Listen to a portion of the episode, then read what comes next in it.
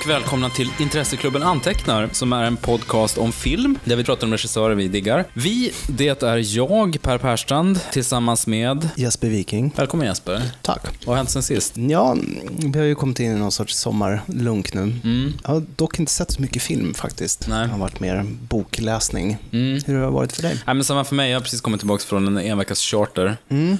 Har blivit eh, lite brunare, lite fetare, lite tröttare, lite äldre.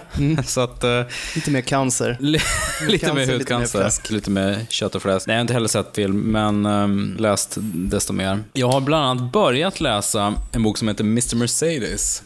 Skriven av en författare som heter Stephen King. Ja, han har jag hört talas om. Och som av en slump så är det faktiskt honom vi ska prata om idag. Ja, Tur att jag inte läser den i onödan. Ja. Inte jätteimpad ska jag ärligt säga, än så länge. nej. Vi kommer att prata om vår förhållande till King alldeles strax. Jag är inte så inläst på senaste King. Jag, läste, jag har inte läst 11.22.63 till exempel, som ju ska bli tv-serie nu på Hulu. Just det. Eh. Den har jag köpt, men eh, den ligger på min Kindle och Precis. puttrar. Puttrar i väntan på. Ja, ja, Det, är lite så här, det finns det här uttrycket läst men ej förstått. ja. Det finns också så här köpt men ej läst. Eller köpt men ej sett. Där ligger även Under the Dome, heter den, va? tror jag. Som redan har blivit en tv-serie. Precis, den, den tv-serien har jag kollat lite grann på. Mm. Är väl helt okej, men boken live ska vara bättre.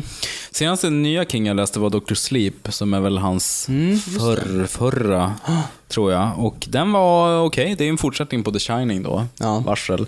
Där man nu får följa en vuxen Danny Torrance. Just det, just det. Som ju är efter sin pappas eh, både alkoholism och anger management issues då, som det heter på svenska.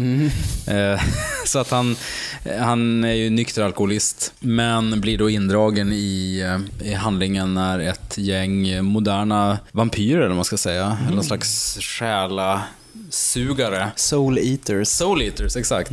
Eh, som härjar runt. Det, är lite near dark-känsla faktiskt. Ja. För att de, de åker runt lite grann i backwoods USA. eh, Från campingplatser till campingplatser, småstäder till småstäder. Och livnär sig på människor som inte blir saknade riktigt. Ja, det. De är liksom inte, inte inne i storstan och käkar hipsters, utan är mer Nej. såhär lantisar. Ja, den var helt okej. men jag tycker King är lite lat. Tycker Mm. jag. Antingen är det så att jag har blivit mer kritisk med åren eh, och att han alltid har skrivit så här. Eller har han blivit lite slapp. Jag menar, hans produktivitet är ju legendarisk. Ja, jag tror inte jag har läst någonting av King sen han skrev den här um, The Black House ihop med um, Peter Straub. Den här Mm. Talismanen-uppföljaren. Det var ju ändå ett bra tag sedan. Talismanen var ju mäktig. Talismanen var jättebra, Black House var mycket otäckare. Jag tror jag var lite ung när jag läste, läste Talismanen. Mm. Jag tror jag skulle förstå bättre det här med, det här med Old Hollywood och hans Mm. sidekick är Varg. Hette han hette på- i svenska översättningen. Det Mm. Det, coolt. ja. Jag tror inte jag förstår allting, men Varg var ju någon så här, han var lite som Lenny i... eh, Ja, i Mössa människa. Exakt, lite så här småpundig sidekick, dumklok på något Ja, sätt. exakt. Lite Han var en stor, stor Hulk med, med, små, med John Lennon-briller, va? Ja. Ja. För att han hade så små, lite som Hank McCoy i X-Men. Just det. Nej, men eh, det, det tror jag också. Jag tror man får ett annat perspektiv på honom om man läser Mm. den idag. Hans missbrukande morsa va, som ligger på det här Just semesterhotellet det. off-season. Som är väl en typ- bedagad aktris va? Ja, som inte får rampljuset längre. Men sen, han hade ju någon, något streak där när han gjorde ja, just icke-övernaturliga Mm. romaner. Ofta med feministiskt inslag. Har du tänkt på Dolores Claiborne Ja, och Liza's och, Story och ja. Gerald's Game? Gerald's och... Game, ja. Mm. Ja, den läste de, jag. de var ju bra. Alltså riktigt bra. Mm. Gerald's Game är cool för att den tar det här slutna rummet på något sätt. Det är Mm. bara, det handlar ju om en tjej som, hon är Fastkedjad. fastkedjad eftersom en sexlek med hennes partner går fel. Han får en hjärtattack va? och Mm, just dör knallfall Ja, när hon är fastbunden i sängen. Och filmen är berättad, eller boken, den finns inte filmad än. Nej. Vilket man kan förstå, det är mer en, en pjäs kanske. Ja, Men berättad utifrån hennes Radiopjäs kanske. synvinkel då. Ja. Ja, Men eh, eh, ja, hon, hon börjar ju se någon i rummet va, som står i, ett mörkt hörn och Just betraktar den. Och, hon vet inte om hon har delirium på grund av eh, vätskebrist det. eller om personen finns där. Eller... Mm, creepy. Ja, den är riktigt bra. Innan jag läste typ um, Dr. Sleep så läste den här From Buick 8. Mm. Den är ganska kass tyvärr. Det handlar ju om en, eh, en bil med övernaturliga krafter, ungefär som Christine då. Ja. Men det här med att när, när bakluckan öppnas så öppnas en slags portal till en annan värld, som i The Mist ungefär. Ja. Och det kommer ut monster och så här. Ja, en Lattjo Lajban-låda. ja, det kan man verkligen säga. Men det var, ingen, det var ingen höjdare faktiskt. Och det får man ju tillåta honom när han är så jäkla produktiv. Men ja, dagens tema är förstås Stephen King. Ja. Vilket ni har förstått redan. Och det har vi ju då valt eftersom David Cronenberg, som vi snackade om senast, regisserade ju The Dead Zone. Mm, Som är en, en av de bättre Stephen King-filmatiseringarna. kan man lugnt säga. Jo, men hans historier har blivit filmatiserade många gånger. 57 långfilmer. Ja, vi drog ut en lista här. Det beror lite Ja. på när man räknar, men just när det gäller filmer så är det 57 stycken. Och sen 27 tv-produktioner. Det är ju ganska bra jobbat för en nu levande författare. Ja, verkligen. Då är det ju börja med Steven Carrie. Bochco som ligger i, närheten, Ja, men precis. Men vad är din relation till Stephen King? Stephen King är väl en av de första litterära upplevelser man hade. Och jag tror den första boken av honom jag läste var nog Pestens tid. Mm. En ganska fet lunta faktiskt. Ja, den är Jag var nog. Mm. eh, tio när jag gav mig på den. Så det var ju mycket man inte fattade riktigt. Men Ja. det var ändå så pass gripande. Mm. Spännande, så att det gick ju bra. Mm. Och på den vägen är det.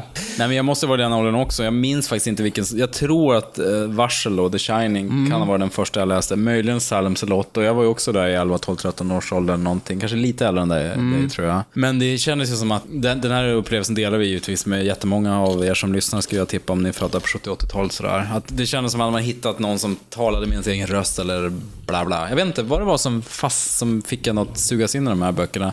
De är ju väldigt underhållande välskrivna och lätt, Ja. lättlästa kan man ju säga. Ja, trots att han har någon sorts litterär elefantiasis egentligen. För han kan ju verkligen skriva väldigt... Han kan Mm. ju lägga ut texten rätt mycket om... Jo. Han kan ju dedikera säkert hundra sidor åt en bifigur som kanske dör en tredjedel Mm. in i handlingen. Men eh, ändå tecknar ett otroligt rikt personporträtt. Mm. Men jag tror det är det man fastnar för också. Han är väldigt... Han är intresserad av människor. Ja, det är han. Och han kan konstatera att med en ganska enkla penseldrag skissa upp och beskriva en, en Med hjälp människa. av populärkulturella referenser. Det blev han ju känd för, att han eh, mycket så här, det handlar inte, han skriver inte att han låste dörren, utan det är mer så att han vred om nyckeln på Yale-låset och sådär. Han pepprar, han dricker Dr, folk dricker Dr. Pepper och Miller och Bud och sådär. Det är mycket varumärken, så att det känns verkligt. Mm. Ja, det kan mycket vara så här att istället för att beskriva stämningen i en situation så kanske man bara skriver att den och den rocklåten spelas på radion och Mm. då förstår man direkt vad det är för stämning. Lite samma som Martin Scorsese ofta ägnar sig åt Mm. Han använder låtar på här, som, emotionella triggers. Ja, liksom. Scorsese är ju mästaren på att peppra med låtar. Ja. Jag vet inte, soundtrack till Casino. Det finns ju ett soundtrack till Casino som är en dubbel-CD med säkert 20 låtar. Mm. Vilket antagligen är så här, en fjärdedel av alla låtar som egentligen används Mm. i den filmen. För det är ju, det är ju han matar ju. Jag vet inte om Casino är ett paradexempel på hur, hur många poplåtar kan man klippa in. Även Departed tror jag hade ganska Ja, mycket poplåtar så. Precis, det stämmer ju. Jag tror att Uh, apropå det här med låtar så, han inleder ju en annan roman med rockcitat. Han gillar ju AC/DC till exempel. Mm, och. Ramones och så. Mm. Djurkyrkogården tror jag inleds med ett Ramones-citat. Ja. Jag tror ja, att de jag... skrev ju titelspåret också för Ja, djurkyrkogården. just det. Jo, film ja. Mm. Jag vet inte vad Ramones purister tycker om den låten. Jag tycker den är bra, men den är ganska så här trallvänlig. Ja, Fast det är ju alla nej, deras låtar. det var ju en hit. I don't wanna be buried. Ja, nu får du lägga i på den istället för att jag ska sjunga den. Tack och lov.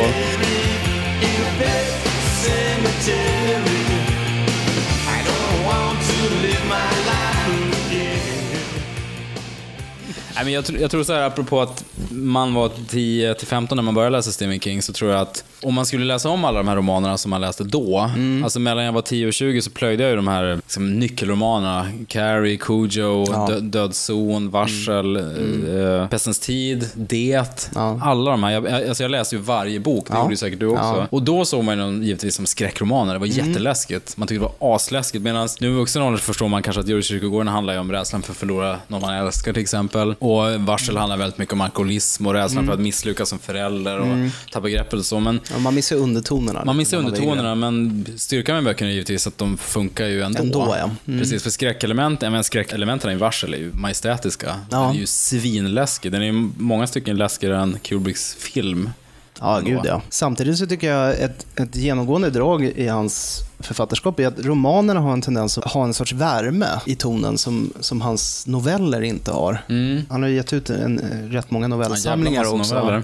De Även är i regel mycket liksom, elakare och otäckare. Även Jo, om men- romanerna kan vara otäcka så finns det ändå liksom en ja, en mysfaktor i dem som man vill ha mer av hela tiden. Och som tro- trogna lyssnare vet skulle vi aldrig prata om någonting som inte ägde en viss mysfaktor. Nej, nej. Då skulle det vara förbåten här i Ja, podcasten. Det måste ja. finnas en mysfaktor. Ja, det måste vara mys. Hur rått det än är så ska det finnas en mysfaktor. Nej, men det har du rätt i.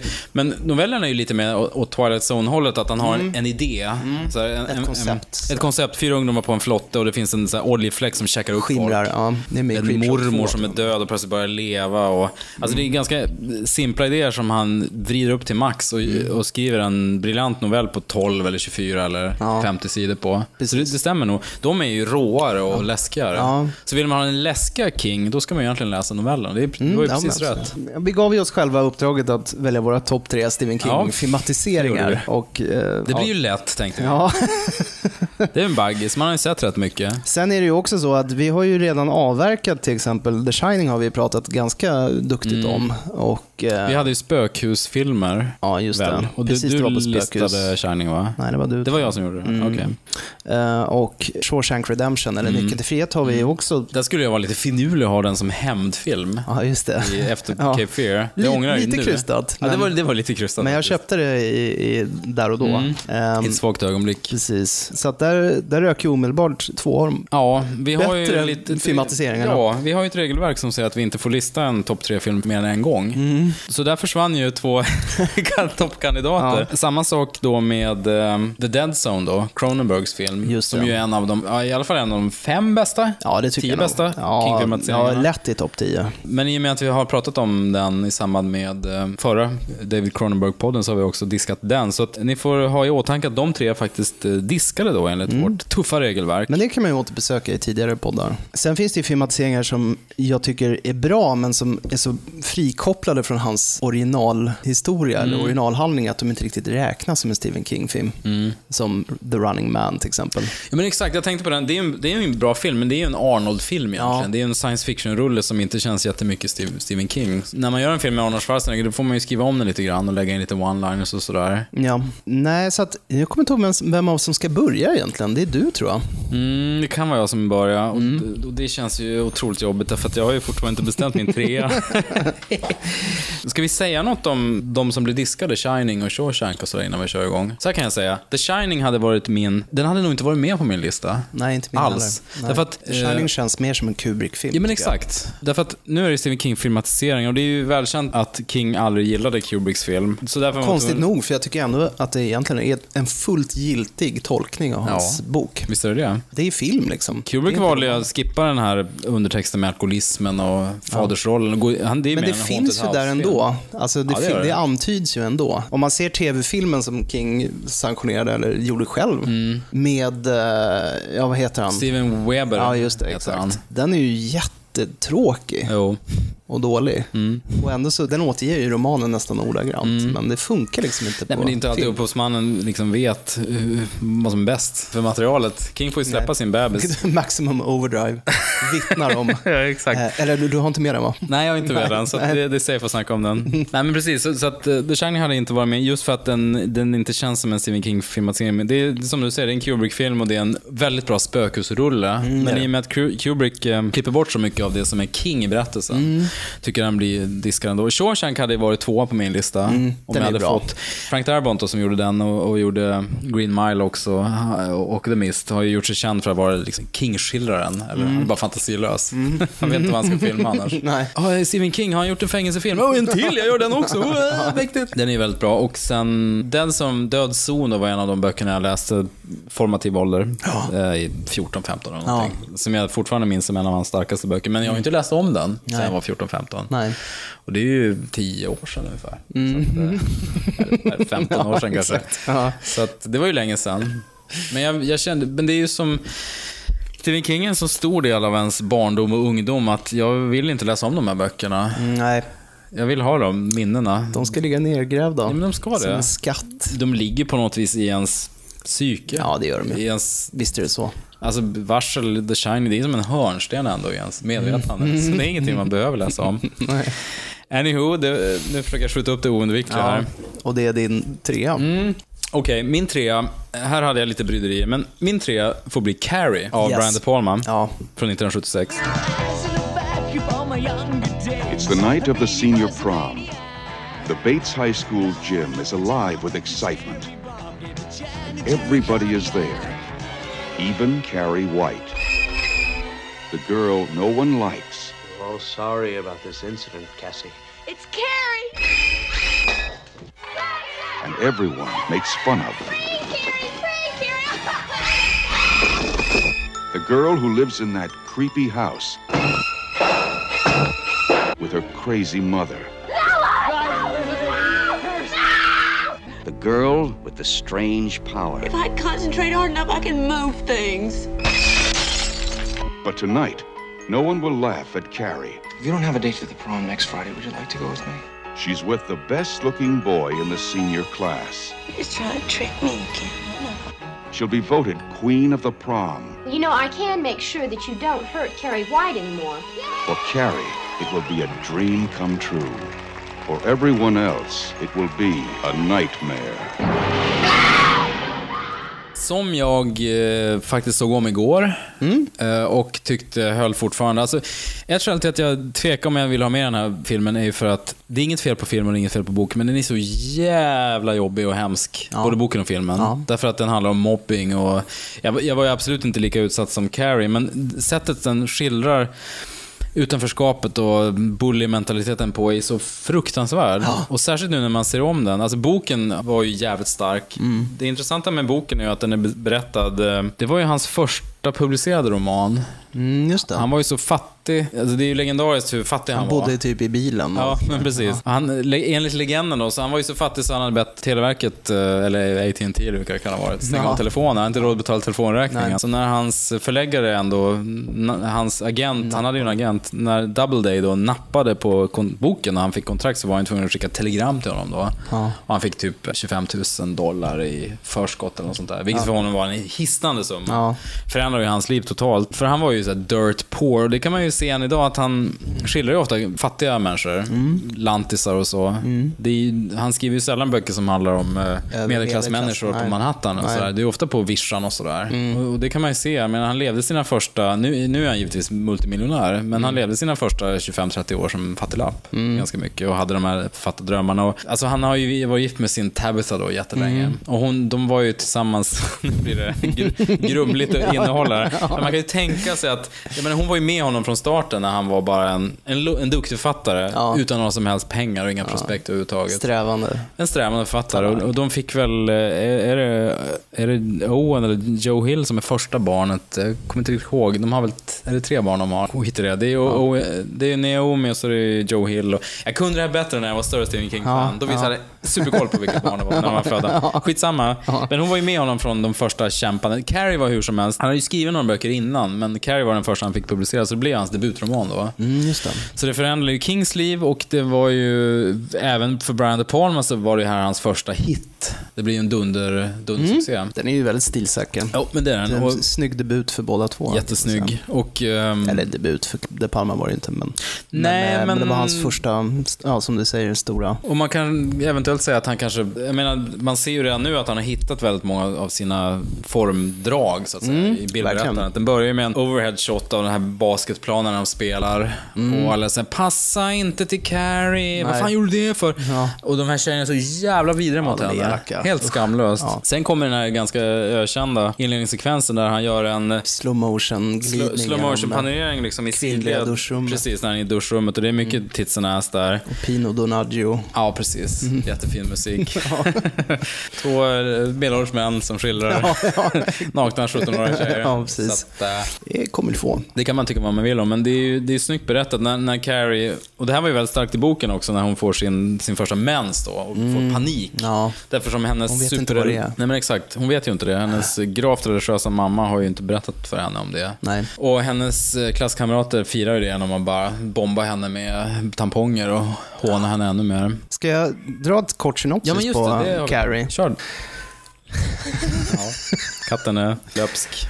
Carrie White, alltså spelad av Sissy Spacek, ett blygt mobbningsoffer, blir konstant förödmjukad av sina klasskamrater och av sin mamma Margaret, spelad av Piper Laurie. En överreligiös fanatiker med vanföreställningar. Mobbningen byggs upp till sin höjdpunkt under balnatten då Carrie visar sig besitta oanade krafter och slår tillbaka mot dem hon anser har skadat henne. Mm. Det är ju sny- väldigt snyggt bildberättande i den, som alltid. Mm. Och, ehm, Det var ett snilledrag av honom också, ja, De Palma. Mm. Att, eh, för i boken så är hans, hennes morsa en ganska ful, eh, ful eh, tant, som jag vill minnas att hon var Mm. Ja, hon beskriven. kanske mer genomond. Ja, men i alltså i filmen, filmen. det är ju Piper Laurie, Ja. han valde ändå en person som har en, liksom en väldigt sensuell utstrålning. Att hon hade liksom en sorts erotism kring Mm. sig. En milf-faktor Ja, fanns det där. Som jag ändå tycker tillför väldigt mycket till Ja. hennes liksom, hyperreligiösa, rabiata... Ja, liksom. hon är jättebra Piper Laurie. Och henne minns vi ju såklart som, eh, vad heter hon, Packard-frun i ja, just Twin. Peaks. Pete då. Martells Peter Martells fru, ja. Catherine hette hon. Mm, just det, Catherine, Martell. Catherine, ja, Catherine Är det Martell, Ja, eller? men hon var ju en Packard från början. Just. Det här är viktigt. Ja, det här är viktig information. Nej, men så att den är fint skildrad och uh, De Palma, som vi vet, har en fäbless för väldigt så här. eh, han är ju bra på det här med pure cinema. Mm. Och hela den här sekvensen när det är väl ingen spoiler då, men, men eh, några av klasskompisarna till Carrie är faktiskt snälla mot henne. Amy Irvings figur är ju snäll. Och Just det, William- övertygar William sin, Catt är väl Precis, snäll. övertygar sin kille William Catt, känd från, från Ja, han är ju eh, känd från Titta han flyger. Vi snackade om Förlåt, den ja, just det, det är sant, det gjorde vi, ja. Mm. vi gjorde det.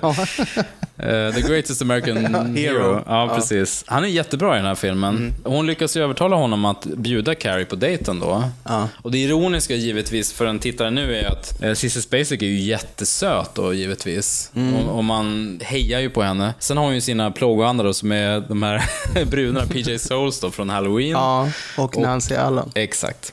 Som skulle bli eh, fru De Palma då, under några år. Ja. Som ju återkommer i flera andra De Palma-filmer. Jo, men i alla fall, de har ju riggat då den här hinken med grisblod.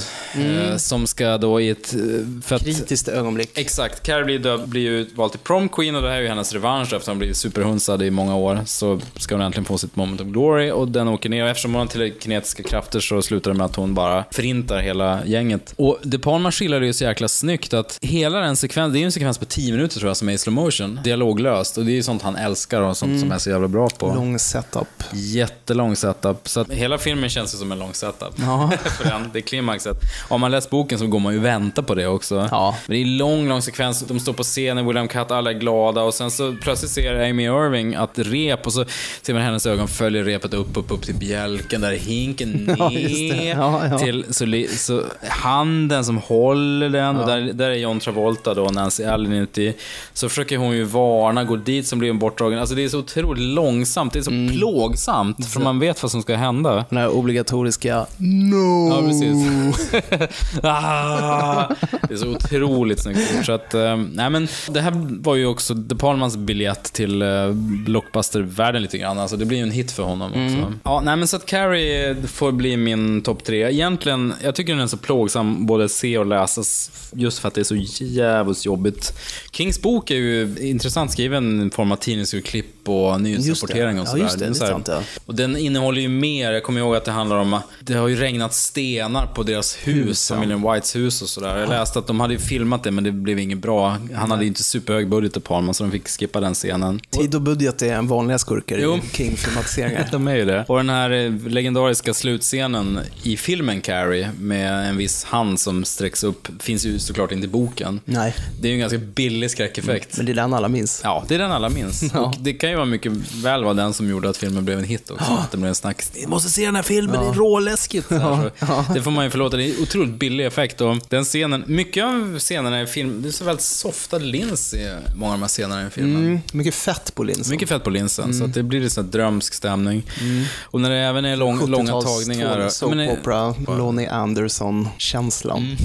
Mm, Precis. Ja, nej, men ja, nej, men så det får bli min trea. Ja, härligt. Mm. Har du sett uppföljaren? Nej, det tänkte jag fråga dig om. Mm. Jag har ju inte sett den, det fanns ju någon Carrie 2. Men sen kom det ju en med Chloe Moretz häromåret. Ja, just det. Remaken. då. Har du sett den? Nej, det har jag inte gjort. Nej. Den finns på Netflix. Ja, och den fick väl ändå hyfsat bra kritik, tror jag. Det tror jag. Det är ju inte nödvändigt att göra en, en remake på den. Men i och för Det är sig kan man... symptomatiskt för den tid vi lever i. Jo, precis. Samtidigt så är temat är ju evigt. En mobbad tjej som, som hämnas. Det är ju det är konstigt egentligen att ingen av oss hade den här på hämndpodden. För det är en Nej, bra re- revenge-rulle. Ja, verkligen. En riktig katarsis. Gigantisk payoff på slutet. Nu vill jag inte vara den som rackar ner bara slentrianmässigt på remakes, för jag kom på att många av mina favoritfilmer är just remakes. Mm. The Thing, det är väl ingen remake va? Nej, det är en originalfilm. Det var John Carpenter som skrev manus i den. Jo, men nu är det så här att jag har ju valt mina tre utifrån de här sakerna vi beskrev tidigare. En bra Stephen King-film för mig, det är en film som har svart humor och mysfaktor. Förstår. Så min trea, det är en film som heter Cat's Eye, som kom 1985.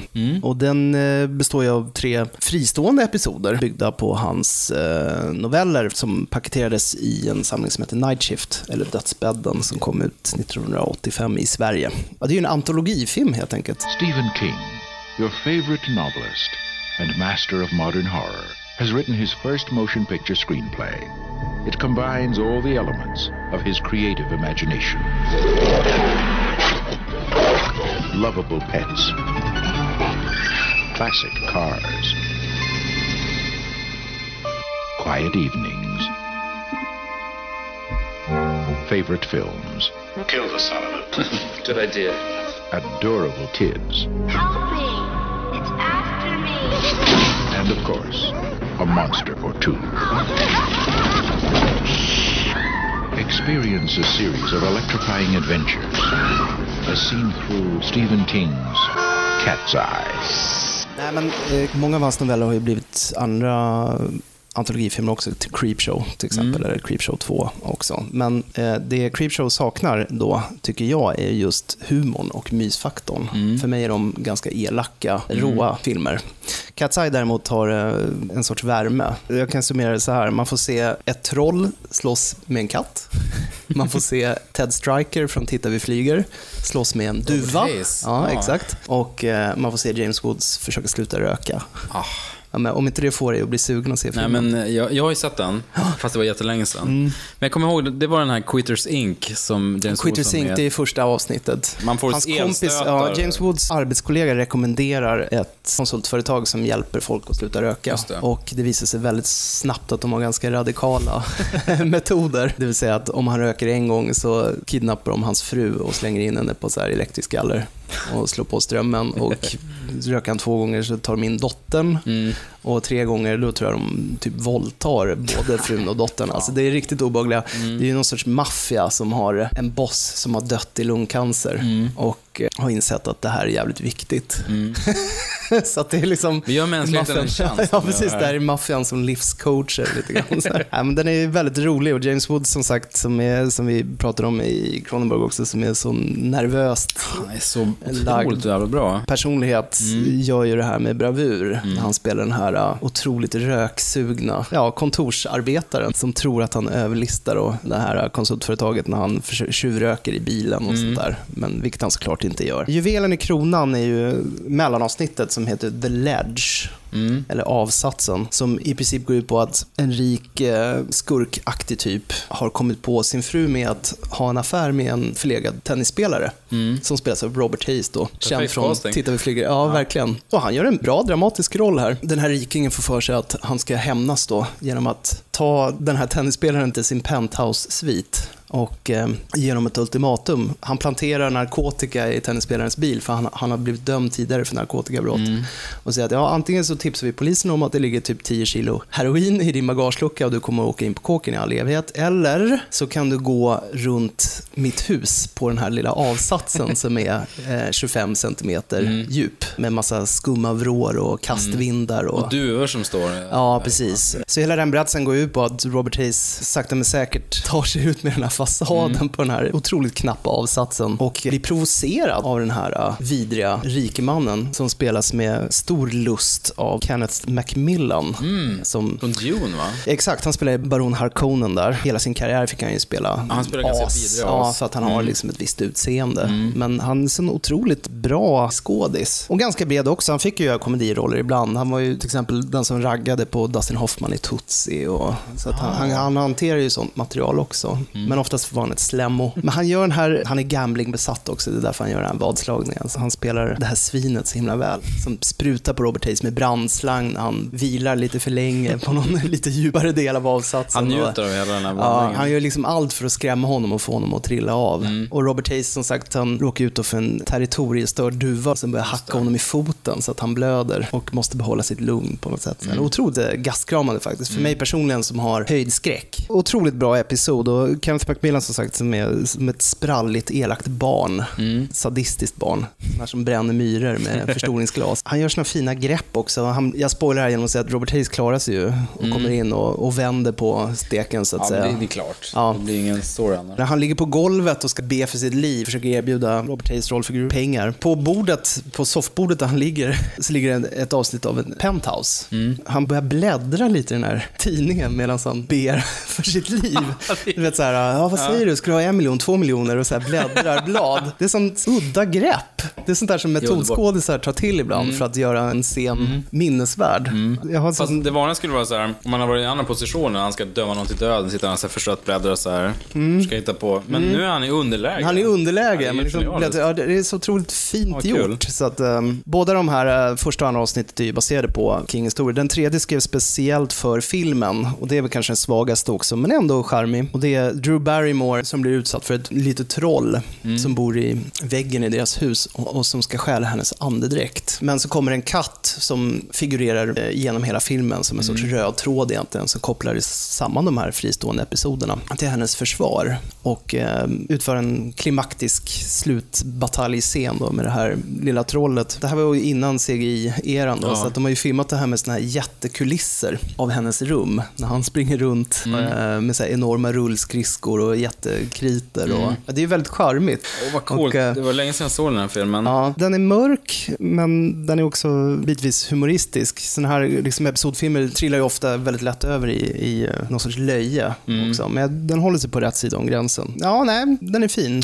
Cat's Eye. ja, men vad härligt. För jag kommer ihåg att jag tror att jag läste om den här i Scandinavian Film och Video. Som var ganska formativ. Jag, jag tror det var där jag läste att det var han Carlo Rambaldi som, som designade den Gjorde trollet, ja. Mm, och det är jättesnyggt gjort. Ja, men jag eh, vill minnas att det var det. En liten figur med så vassa, vassa små tänder. Ja. Det är något speciellt när det är gummi och effekter och Ja. istället för CGI, givetvis. Ja. Det var han som gjorde Alien Face Huggen också, eller eh, han som kom ut ur magen Just det. Och E.T.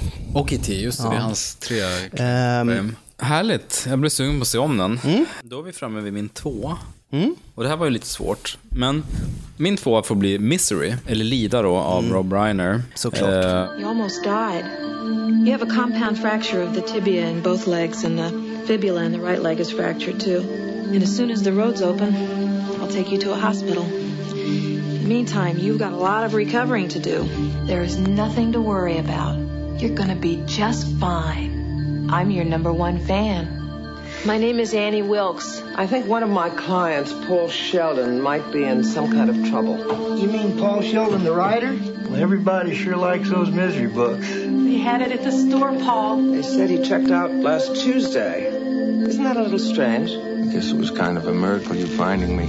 In a way, I was following you. You were following me. Oh, Paul, I've read everything of yours, but the misery novels.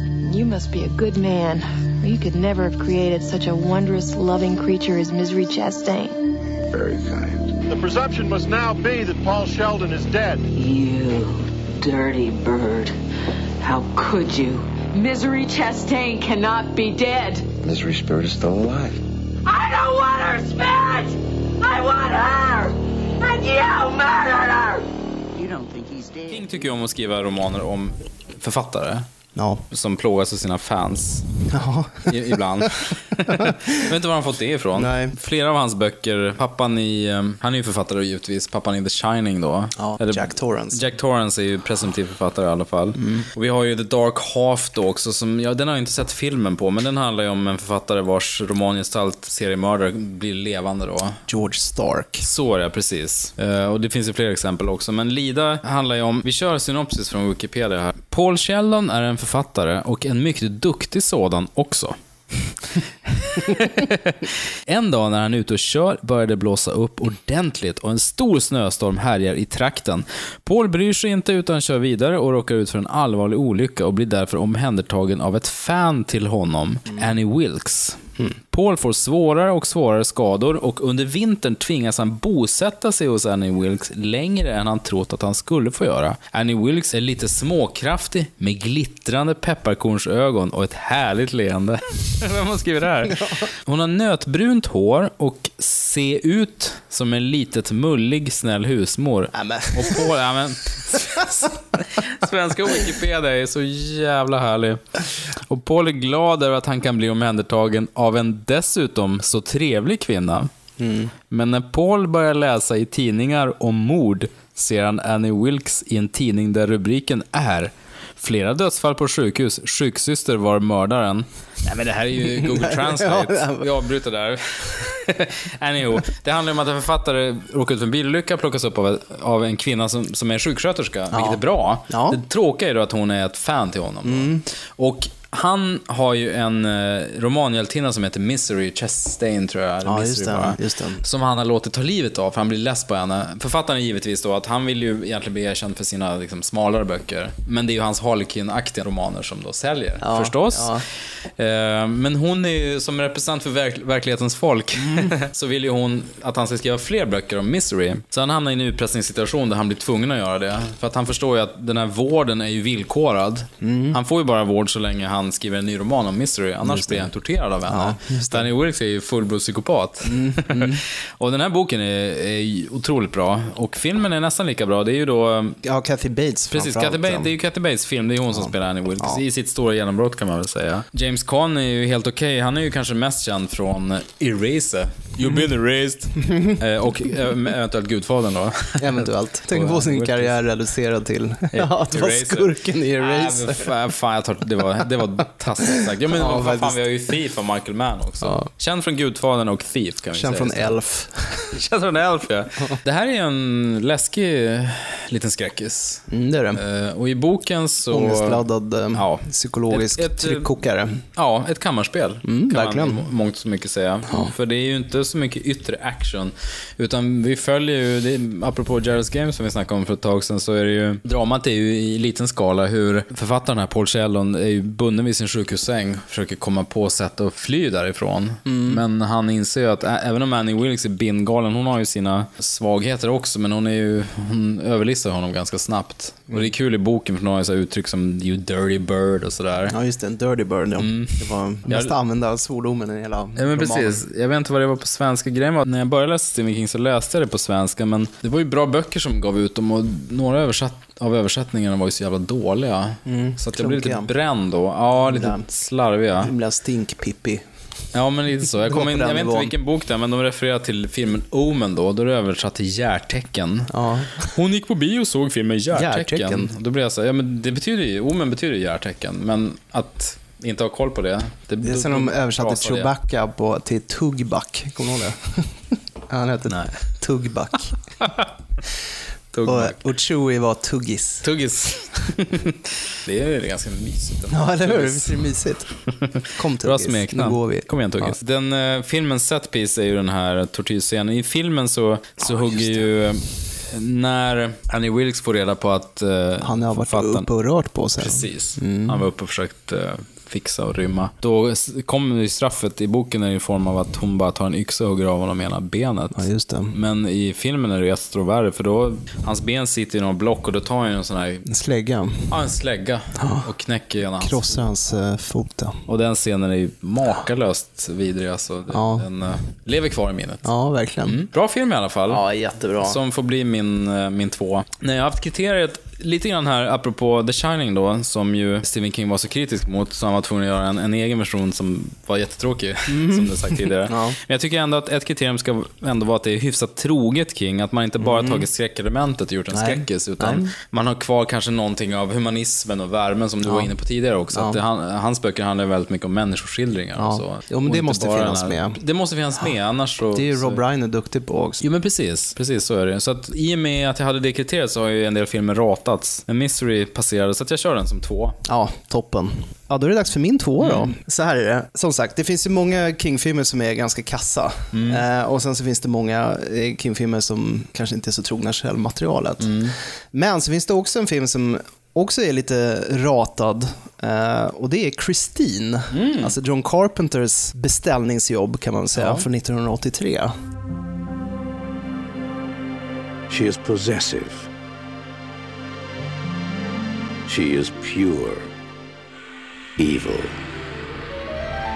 She is Christine, a 1958 Plymouth Fury, possessed by hell. Her previous owner is not alive to warn her present one. Once she lures you behind the wheel, you will be hers, body and soul. There is no place you can hide, no place you can run, and nothing you can do can stop her. Because how do you kill something that can't possibly be alive? Christine. Body by Plymouth. Soul by Satan.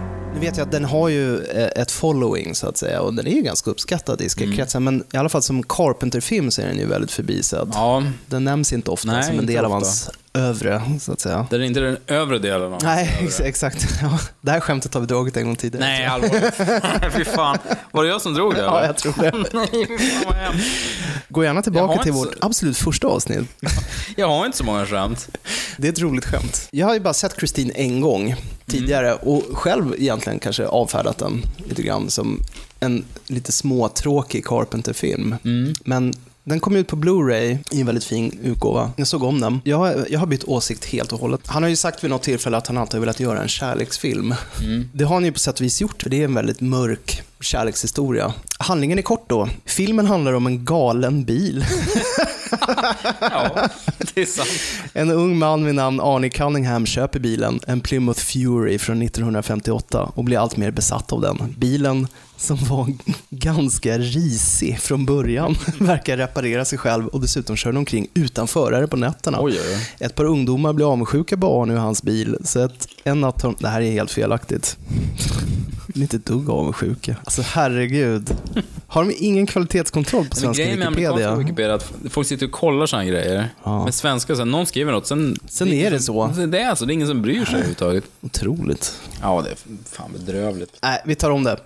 High school-tönten Arnie förälskar sig i en ljusröd 1958 Plymouth Fury som har sett ljusare dagar. När han sätter igång med att restaurera bilen märker hans vänner och bekanta att det inte bara är bilen som förändras, utan även Arnies personlighet. Ja, det är, Ja. det är en bättre summering. Det är ju Keith Gordon Ja, som vi såg i ja, Dress to Kill, De Palma-filmen. Var protagonist där och i, eh, ja, har vi sett honom mer i? Han Jag tror i, att eh, vi sett honom i Citizens Band av Jonathan Demme, som jag tror vi har nämnt i någon tidigare podcast. Ja, och sen var han ju med i Back to School, Rodney Dangerfield, eh, den? han åker tillbaka till college. Nej, men han är en, ja, en tönt, socialt missanpassad kille på high school som är kompis med en, ja, en sportfåne, för så kan det ju vara i verkligheten. Att man är Ja, på film kan det inte vara Nej, så. men så den, den är ovanlig på det viset. En vacker dag så upptäcker han ju den här skruttiga bilen då, som är till salu och han blir helt besatt direkt. Det är lite som en sån här klassisk eh, tonårsromantisk komedi när någon ser grannflickan för första gången och gör någon sorts double take och inte kan tänka på någonting annat än henne. Han börjar rusta upp den här bilen då. Det här är en sån här vidvinkelfest. Det känns som att här har Carpenter verkligen, han har nått peak. Pick vidvinkel. Ja, eh, varenda scen är så perfekt eh, inramad och eh, otroligt fint foto. Om man släpper att premissen är löjlig, för det är den ju, så är det en jävligt tight film faktiskt. Ja. Och sen är det ju minnesvärda rollinsatser till exempel av Robert Prosky, Ja, han med. gammal Dante-favorit. Eh, Även känd från Last Action Hero då. Ja, absolut. McTiernan, Ja. han har återkommit här. Och här spelar han lite out of character. Han är, äger en sån här bilverkstad där han får restaurera Christine och spelar ett arsel cigarrtuggande översittartyp. Mm. Han brukar ju ha ett hjärta av guld annars. Men här, här får han verkligen gå loss, vilket eh, han verkar ha njutit av. Och så dyker Harry Dean Stanton upp också som en Ah. skeptisk poliskommissarie. För Christine börjar ju såklart avverka alla som har mobbat eh, Mm. den här Arnie då, som rustar upp henne. Otroligt bra soundtrack också. Det är ju delvis riktiga såna här 50-tals rockklassiker. För där, Kingen är ju såklart väldigt upptagen vid 50-tal. 50-talsvurm och, Mm. Han är det. och, och rock'n'roll. Mm. Chuck Berry och Little Richard-klassiker varvat då med John Carpenters egna Mm. suggestiva slingor som är faktiskt bland det bästa han har gjort. Hoppsan. Ehm, varm rekommendation på att se om Ja. Christine. Lite Nej, men- otippat faktiskt. Det var det faktiskt. För att Den här filmen har jag bara sett en gång på VHS. Och var väl kanske färgad av att jag visste att det här ansågs inte vara liksom någon av hans tyngre filmer. Jag tyckte boken var helt fantastisk. Mm. Jag tror jag var precis i den åldern när jag var väl ganska så här king-puristisk och tyckte Mm. att om det inte var som i boken så var det dåligt. Ja, ja exakt. Nej, det stämmer inte. Jag Ja. tyckte det var dåligt. Ja. Men jag minns ju den här scenen, första scenen när Kit Gordon står i garaget och häpnar över hur Christine lagar sig själv. Mm, det är en klassisk scen. Otroligt fin scen. Inte- Han säger ju någon så här, uh, okej, show me. Och så, så börjar Mm. bilen och bara veckla ut sig. Den har blivit totalkvaddad av mobbare och så, så jätte- vecklar den ut sig själv. Okay. Show me.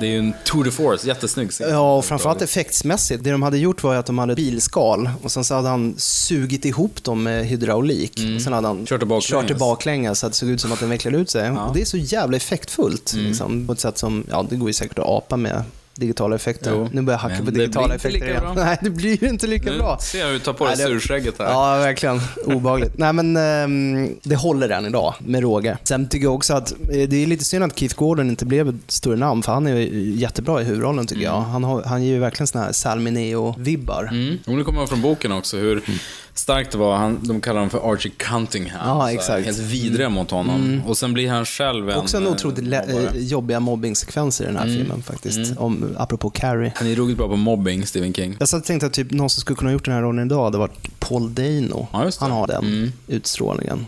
Han kan vara både ynklig och eh, obehaglig. Ja, han hade varit perfekt. Annars Shia LaBeouf hade varit... Justin Bieber kanske?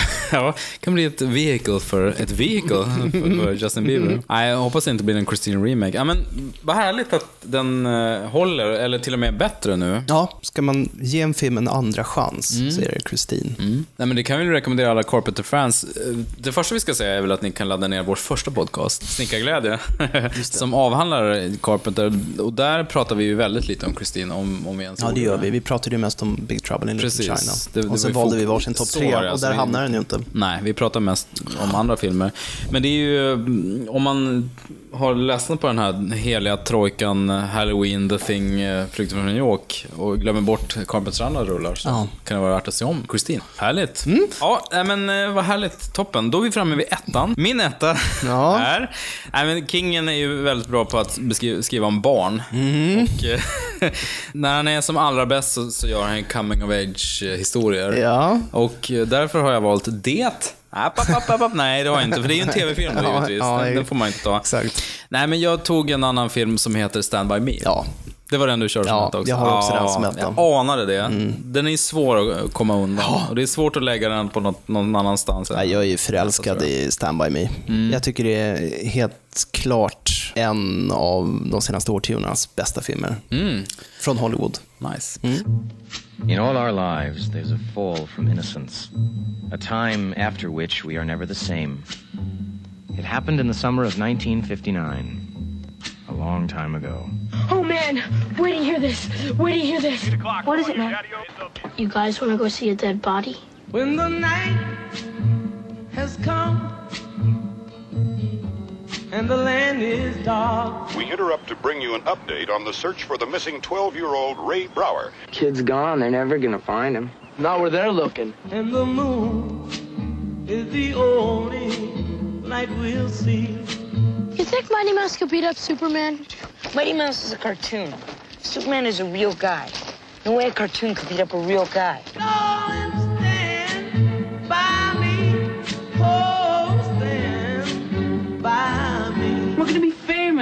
We're gonna be on every radio and TV show in the country. I still don't think we should go.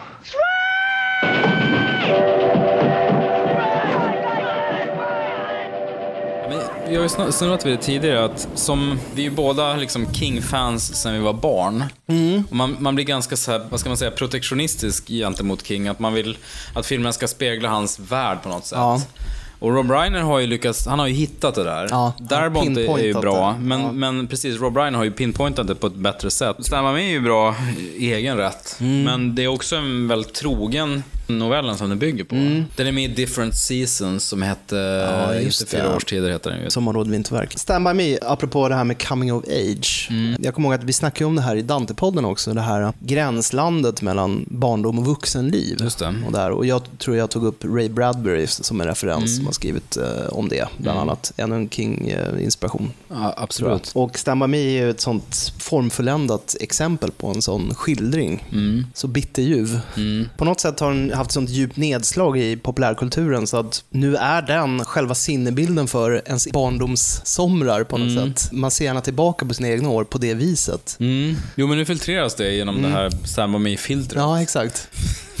Fascinerande hur en film kan ha den tyngden. Och Ja. Stand By Me handlar om ett gäng bestående av fyra pojkar i 12-13 års åldern. Chris, Gordy, Vern och Teddy. En dag får de reda på att det finns ett lik någonstans i skogen. Det är en pojke i deras egen ålder som ska ha blivit påkörd av ett tåg och hittills har polisen inte hittat honom. Vern råkar höra när hans äldre bror berättar för sin kompis att han vet var liket finns. Snabbt bestämmer sig Vern och de andra att de ska ut på jakt efter det försvunna liket. De tänker mest på ära och berömmelse, men i själva verket händer mycket, mycket mer mellan de fyra. Ja, men det är väl ganska bra. Jo. Att de ger sig iväg för att leta upp det här liket är ju eh, någon sorts devis för att dra igång den inre resan. Ja.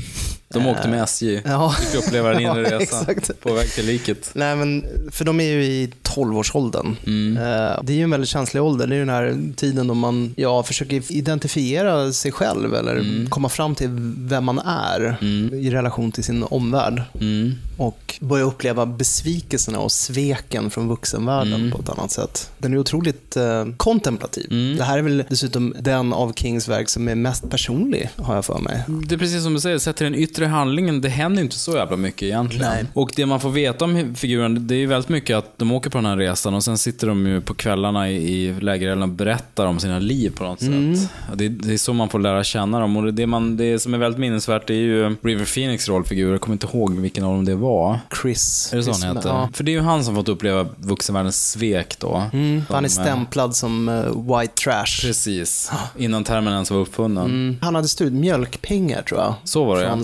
Skolkassan. Och eh, det var ingen som ens frågade honom om det var han, utan han, det bara antogs Ja, att det det var han. det bara. Ja, men just den här, att vid svek. 12 års ålder får veta att vuxenvärlden inte är att lita på överhuvudtaget. Nej. Ja, men hu- huvudpersonen Will Wheaton, är det Gordy han spelar eller? Gordy LaChance. Han är ju på något vis den mest välanpassade kanske. Fast han har ju den här, i boken i alla fall, jag, vet inte, jag minns inte hur mycket det kommer fram i filmen, men man har ju den här sorgen över att hans storebror Har som dött, ja. Precis, han har ju den enorma sorgen. Och just att storebrorsan var ju familjens... Eh, Älskling. exakt. Så han har ju alltid, han har inte blivit sedd på samma sätt som storebrorsan. Nej, så han har alltid hamnat liksom i andra hand. det osynliga barnet. Exakt, så han har ju det. Sen har vi då Christos som är ja, men stämplad som värsting och på något vis förväntar sig att han ska vara den här värstingen. Och då Ja. blir han ju det också. Jo, Som, som en självuppfyllande profetia. Precis. Och det, och det visar ju på ett ja, men gastkramande, sorgligt sätt hur eh, någons livsbana kan bli utstakad så tidigt ändå. Mm. Och sen har vi den här lite överviktiga killen som är mobboffer. Vern. Ja, det är Vern, ja. Mm. Ängslig och matglad. Går ofta hand i hand. Mm. Och så har du Teddy Duchamp då, som är Corey Feldman, som är den Just här äh, sonen till en... äh, Ja, hans pappa var veteran tror jag Mm. och haft någon sorts psykos och har misshandlat honom också. Försökt bränna av hans öra mot en äh, spisplatta. Är, det då, är det så han blir lite hörselskadad? precis. Just fan. Ehm, men ändå så försvarar han sin pappa hela tiden. Mm. Mångfacetterad film. Den handlar liksom om kamratskap, utanförskap, Mm. klassfrågor. Ehm, och sen så är den ju delvis oerhört, allting är ju liksom doppat i ett lager av nostalgi såklart. Jo. Liksom en, 50-talet återigen då. 50-talet återigen, 59 är det väl tror jag. Det är också en väldigt stillsam film. Ja. Alltså den är lugn, men ändå så är det otroligt bra tempo. Den känns ju aldrig seg eller utdragen. Nej, de råkar ut för små äventyr. Den är lite episodisk så tillvida att det är ju, det är ju scener med tåget som de kutar efter. Mm. Jättespännande i boken, lite mindre spännande i filmen. Ja. Och så den här kända igelscenen också, Mm. blodigelscenen som Ja, är ganska det. jobbig. Ja. det kommer jag ihåg från boken så här. Ja. När Gordy tittar ner i byxorna och inser att han har liksom en igel på pungen. Ja, Bara, svullen igel. Ja, Jesus. Jag såg ju, apropå att vi snackade ju om eh, Afrikas drottning nu, Mm. tidigare. Också en igel. Igelscenen. Vi snackade om Afrikas drottning i Omaka Just det, Par-podden. exakt. Du pratade om den. Mm. Jag hade inte sett den då, Nej. men jag såg ju den här en veckan. Och den var ju otroligt bra. Mm, Visst är den härlig? Och den hade ju filmhistoriens näst bästa igelscen. Ja. Den bästa är ju Stand By Me. det var ju den näst bästa. Den var ju skitbra. Nu hamnar vi på en lite off topic här, men det var den första färgfilmen jag har sett med Humphrey Bogart. vilket just ju också det. Mm. känns märkligt, för att han är ju den här svartvita hårdingen. Men det blir något annat när man ser det färg. Det, det känns närmare ens nutid och man ser mer. Och nej, båda de två var fantastiska. Det var en jättebra film, Ja. såklart. Ja. ja, det är Det härligt. var många tillfälligheter som gjorde att det skulle sluta som det gjorde. Men eh, Ja. om man bortser från det, då var det en kalasrulle. Jag har inga problem med det. En annan sak man får komma ihåg med Stand By Me är ju att den bärs upp av fyra barn Ja. som verkligen gör jättebra Castingen eh, är fantastisk. Alltså, de är det är fantastiska de här skådisarna. lightning in a bottle som Jo. det kallas. Ja, vad har vi? River Phoenix som jag tror vi alla kan enas om dog alldeles för tidigt. Mm. Ja. Och det är det här- någon som lyssnar som tänker så här, nej han dog. Ja, han, dog, han dog lagom. Det var, det var bra att han dog där. får ni höra av er. Ja. Skriv ett mejl och motivera lite varför Nej, det blev som det här var ju bara hans andra film. Han hade gjort Explorers. Det var hans andra film. Ja, alltså. så klev han rakt på det här. Så att, eh, ja, Vilken begåvning Mäktig. alltså. Och ehm, Will Wheaton som den här Gordy då, han är också svinbra. Det här är ju innan han började spela Wesley Crusher och blev hatad av en hel Mm. generation Star Trek-fans. och sen har vi ju Corey Feldman som spelar den här um, Mm. lite emotionellt störde Teddy. Han var ju lite av en tonårsstjärna då. Han hade ju gjort Gremlins och Mm. Ja, han var väl den i gängen som kanske var lite känd då. Ja, han hade gjort Goonies också tror jag. Just och det. ett par Fredag den 13 filmer. Och sen Vern, den lille, Jerry den lille O'Connell. knubbige fege. Han Mm. var ju, ja det var Jerry O'Connell ja. Men han har ju gjort mer av en vuxenkarriär då. Jo, han, precis. Han är mer känd som vuxenskådis och sådär. Scream 2 och Ja. Piraya var han med också va, senaste. Mm. ny- Smalat av lite grann.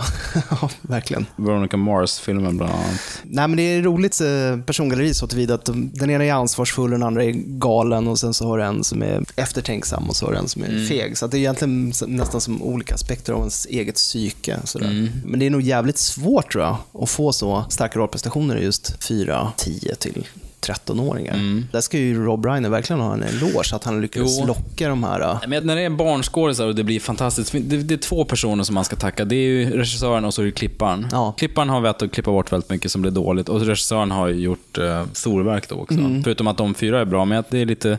Nu kanske de här var jävligt slipade, de kanske var så här Dakota Fanning-style, att de precis vad de skulle leverera. Ja. Men det är ju, ja, men det är som du säger, Lightning in a bottle. Det blir mycket bättre än man kan förvänta sig att det ska bli. Ja. Och det, den här filmen har ju överlevt så länge och också är en sån hörnsten i coming of age-genren, så det är ju nästan det ultimata exemplet på det. Det här är ju Kings egen favoritfilmatisering Mm. av hans verk. Det kan man ju förstå. Och det tyckte väl allmänheten också. Jag såg att den kostade 8 miljoner dollar att spela in och gjorde typ 52 miljoner dollar i vinst bara i USA. Mm. Stor hit. Ryan hanterar det här, dels bråddjupet i de här, som du nämnde, de här pojkarnas relation till sina fäder. Och sen också får han in så komiska inslag som hela den här skrönan, paj... Lardass. Lardass, hajatartävlingen. Ja, ja. Som är jätteroligt gjord. Det- det- Ja. Den är liksom en liten berättelse i berättelsen. Den är den är väldigt stiliserad.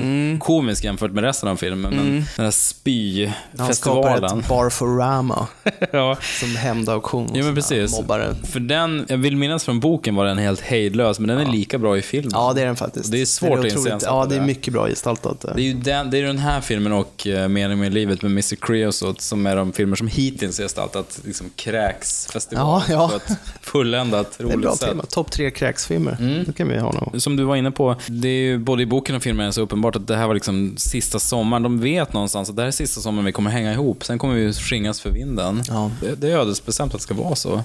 Det finns något som, något som är så otroligt sorgligt eh, i det. Mm. Som är så American vackert också. Graffiti berörde också Ja, men på, någon, på något sätt. Mm. Fast det är en annan livsfas. Precis. Äh, vad kul att vi hade samma. Ja. Men det, det känns ju verkligen som, jag, jag sällar mig till King. Bra. jag delar hans omdöme. Det tycker jag du ska göra. Nej, men jag kan se Stand By Me hur många gånger som helst och bara mysa, Mm. mysa och gråta. Ja. Jättefint. As time went on, we saw less and less of Teddy and Vern. until eventually they became just two more faces in the halls. It happens sometimes. Friends come in and out of your life like busboys in a restaurant. I heard that Vern got married out of high school, had four kids, and is now the forklift operator at the Arsenault Lumberyard. Vad ska vi säga om bubblarna? Jag hade ganska många bubblare. Jag gissar att du också hade det. Ja, jag har inte skrivit ner dem, men jag kan titta på den här äh, eminenta listan vi skrev Mm. ut. Vi har ju snackat om Sleepwalkers förut, du och jag. Det har vi gjort. Och jag var lite sugen på att ta med den, men jag har bara sett den en gång och den är ju ganska lättviktig jämfört med de här tre, eh, sex filmerna vi har nämnt. Eller fem filmer blir det väl. Den är också lite förbisad faktiskt. Oh, det är den. jag Den hade är nog valt den bara för att det är Alice Krieg som Mm. spelar i en av huvudrollerna. Men vi har ju en, jag älskar ju henne också. Jag, var, jag blev förförd av henne tidigt från eh, ja, filmatiseringen av Ghost Story, tror jag. Peter Ja, just det. Straub-romanen. Mm. Alice Krieg. är ju- Spökfilmen. Hon är ju dessutom Borg-drottningen. Att, Ja, det finns en Star Trek-koppling där. Mm, det har du missat. Nej, visst. Eh, sen har vi ju Cujo, som Mm. jag nu inte har sett på säkert tio år, men för mig är den extremt ångestladdad. Jag hade faktiskt svårt att se klart. Mm. Jag har, blev, eh, jag har fortfarande inte sett den. Den boken var jävligt jobbig. Mm, det var den. Och filmen är också jättejobbig Ja. faktiskt. Jag var tvungen att pausa flera gånger. Det är Ja. ett belägringsdrama. Children of the Corn. Härlig novell. Jag har, inte, jag har inte sett någon av filmerna faktiskt. Nej, jag har sett första. Mm. Den är helt okej. Mm. Berör farorna med fundamentalistisk religion. Mm. Jo, men det är någonting han återkommer till. Det, det pratar vi om lite grann när det gäller Han, Carrie. han, men... ja, han går ju ofta på evangelikerna. Och Precis. Jag kommer ihåg en period i tonåren när jag var verkligen så här anti-Svenska kyrkan, för jag hade läst mycket Stephen King. Mm. Ja. Som att det gick att jämföra. Likheterna är så enorma. Ja, men exakt. det, var, Ja. det känns lite, det är lite gulligt nu när man tänker på det, men då Ja. var det så här, "Åh, kyrkan har gjort så mycket ont, Ja. för det har jag läst Stephen King-böcker. Ja, exakt. Firestarter, den har ju ett cult following. Jo, mm, härlig film. Den är mer rolig kanske Ja, nu i, med dagens ögon är den lite rolig. Ja. Både boken och filmen är ju lite så här eh, pulpiga eller slockiga, om man ska säga. Ja. Silver Bullet. Ja, visst. Den finns ju en jättefin, eh, Corey Haim och Gary Busey slåss mot varulv. ja, jättefin utgåva med teckningar också. Mm. Av, eh, kommer inte ihåg vad han hette. Jo, men det var väl um, klassiska DC... Mm. Var det inte Wrightson? Bernie Wrightson? Bernie som- Wrightson, bra, just det. Den, den, jag, vet, jag, har originalutgåvan i någon låda hemma hos morsan eh, med, eh, med teckningar. Jag tror de kom så i förstautgåvan. Mm. Ja, men han är ju en sån här fin gammal Ja, de var jävligt coola. tecknare. Mm. King kände att det räckte inte med boken, det var så lite Nej. coola teckningar också. Ja, Han visste att det var en Ja, svag ja, story ja. egentligen. Maximum Overdrive, inte så bra. Nej, Emilio Estevez. Running Man, som sagt, ingen King-film. Pet Sematary, bra. Mm, bra skräckis liksom. Den är bra. Den Men kunde vi ha tagit upp. Det kunde vi gjort, men jag känner lite grann så här. Eh, nu i vuxen ålder förstår man att Pet Sematary handlar väldigt mycket om skräcken att förlora liksom, familjemedlemmar och så. Ja, det. Kärleken till barn och så vidare. Men Ja. filmen är ju mer skräckis då. Mm. Och det var ju så jag såg den. Men det föll också tillbaka på att den filmen, boken var ju så, så sinnessjukt läskig när man var 13 Ja. eller man var. Så bo, filmen kan inte riktigt nå upp till det. Den har ju det här, alltså han li- lille Gage heter han ju. Gage, ja. Undrar vad han fick för gage, den skådisen. Hey. Kul. Han är ju råläskig filmen också. Miko Hughes heter han ju. Han som var het ett tag, den barnskådisen. Du vet den här scenen när han snittar hälsenan. Ja, det är så Det är läbbigt. där man minns. Det är den man minns. Och, eh, ja, vad heter karln? Fred Gwynn. Ja, jättebra. Eh, Otroligt som bra. åldringen där. Ja. Nej, men tror, Death is better. Han har en sån här härlig sån här Massachusetts, eller Ja, New England. Mm, Death is better. Och så de här eh, hängselbrallorna. Ja. Bra film, men där känner jag nog att boken var så jävla mycket bättre, eller så Mm. tung, så att det var svårt att... En film hade jag som lätt kunnat tagit sig in på topp tre om den inte slutade vara så risigt, och det är ju The Mist. Lawnmower Man. Ja, okej. Lawnmower Man såklart. ja, nej, men The. Mist. Ja, Nej, men absolut. The Mist- Också en Darabont eh, Darabont, ja. Den bygger ju på en av eh, Kingens bästa noveller, hans lång, långnoveller då, Mm. som nästan är en roman. Den följer ju novellen troget. Sen har ju Darabont hittat på ett eget slut som helt sjukt Ja, orimligt. Ja. Jag ska inte avslöja det, men jag kunde inte köpa det slutet, annars tyckte jag att filmen var jättebra. Den är absolut värd att se. Ja, eh, och sen har det kommit många såna här uh, C-filmer. The Mangler och Ja. typ The Graveyard Shift och The Night Flyer med Miguel Ferrer. Såg du Eh, den? The nej, Night Flyer? Nej.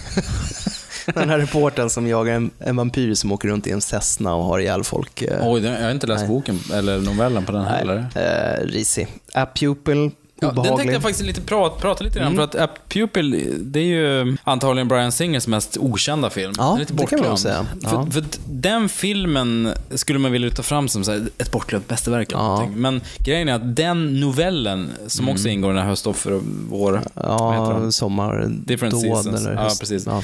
Det tycker jag är en av hans absolut ruggigaste. Hästgärning heter den Ja, så kan det vara. Jag tror den heter Hästgärning. Just för att eh, pojken som, eh, Todd heter han väl, som hittar den här gamla nazisten. Han blir så fascinerad av nazismen. Alltså, boken är så jävla hardcore och så otroligt obehaglig. Ja. Och filmen känns otroligt tam Ja, jämförelsevis. den. det är ändå Brad Renfro som, han dog ju ung, hade ju ett mörker. Ja. Och så är det ju... ehm, Ian McKellen. Exakt, det är ju Magneto himself, Ian McKellen. Så det är ju superbra casting. Helt okej film, men nådde inte alls de bråddjupen, de bråddjupen, Ja. det mörker som Ja. novellen gjorde. Nej. Så den var, den var ju sådär liksom. Skulle man göra den rakt av som novellen, det skulle, det skulle bli för mörkt tror jag. Ja. För hemskt Ja, jag bara. tror det. Den är ju väldigt nihilistisk och jobbig. Jo, det går inte att göra det. Dreamcatcher. En, en dålig film Ja. som är svår att sluta se på. Det är kul att se Donnie Wahlberg som eh, spelar en down syndrom cancerpatient som man faktiskt Oj, gör. det hade jag glömt. Donnie Wahlberg har ju faktiskt också gjort en filmkarriär, fast mer i, i tysto än lillebrorsan. Jo men precis. Bättre filmer i regel, men Ja, inte verkligen. lika mycket pengar. Ja. Du menar alltså att Transformers Age of Extinction var bättre än Dreamcatcher? Kan det vara så? Ja. Nej men jag menar att Don har gjort bättre filmer än Mark, Ja, ja. givetvis. Ja, jag tänkte väl det. inte tvärtom. Nej men eh, Donny har vi ju sett i Sjätte sinne till exempel, som ju objektivt sett är en bättre film än, än Transformers 3. Eller 4 Mm. objektivt. menar jag då. Secret Window Med Johnny Depp ja. ja den och John. Turturro som ganska bra. sydstatshämnare. Jo, så ja, men den är ganska bra. faktiskt, Ja. ja. men jag tyckte den. Jag gillade den. Ja. Det var framförallt roligt att se John Turturro spela otäck. för Han är född spela såna här ynkliga, Mm. ynkliga typer. 1408, John Cusack. Nu har vi snart eh, listat alla 57 filmer som har gjorts. Exakt. Men 1408 tycker jag var helt okej. Ja. Det är väl antagligen Mikael Hovströms bästa film. Inte Strandvaskaren alltså. 1408 stora problem är att det redan har gjorts en film på samma premiss och det var The Shining. ja, jo. Liksom. I och det, för sig. det är ett spökrum i ett hotell. Ja, det stämmer ju. Första timmen av 1408 tycker jag är otroligt bra. Sen slutet, när han ska knytas ihop, lite som The Ring, att det ska funka, att ja men det var ett spöke, Mm. jada, jada. Det, det blir inte så bra. Ju Men... mer det förklaras, desto mindre läskigt blir det. Exakt. Jag har fortfarande inte läst den novellen. Nej. Jag såg filmen först och John Cusack är ju alltid bra och Samuel Jackson var bra. Efter det så um, är det inget jag har sett faktiskt. Nej, jag Det är mycket Mangler det. Reborn. Sometimes they come back for more. The Rage Carry 2, den nämnde vi Children of the Corn, colon Genesis. Alla filmer som heter Colon Genesis. kan Children of the. Corn började lyssna på Phil Collins och symfonirock. Children of the Corn, kolon. Det var bättre när Peter Gabriel var med. Tankstreck Genesis. Ja, nej. Men eh, till nästa gång. Ja, det var Stephen King för er. Nu ska vi väl båda två läsa Mr. Mercedes och eh, kanske Finders Keepers också, fortsättningen Ja, på. Mr. Mercedes, se om den är bra. Och eh, tills dess så önskar vi er ett härligt liv och så hörs vi snart igen med en ny regissör. Ha det fint. Tja!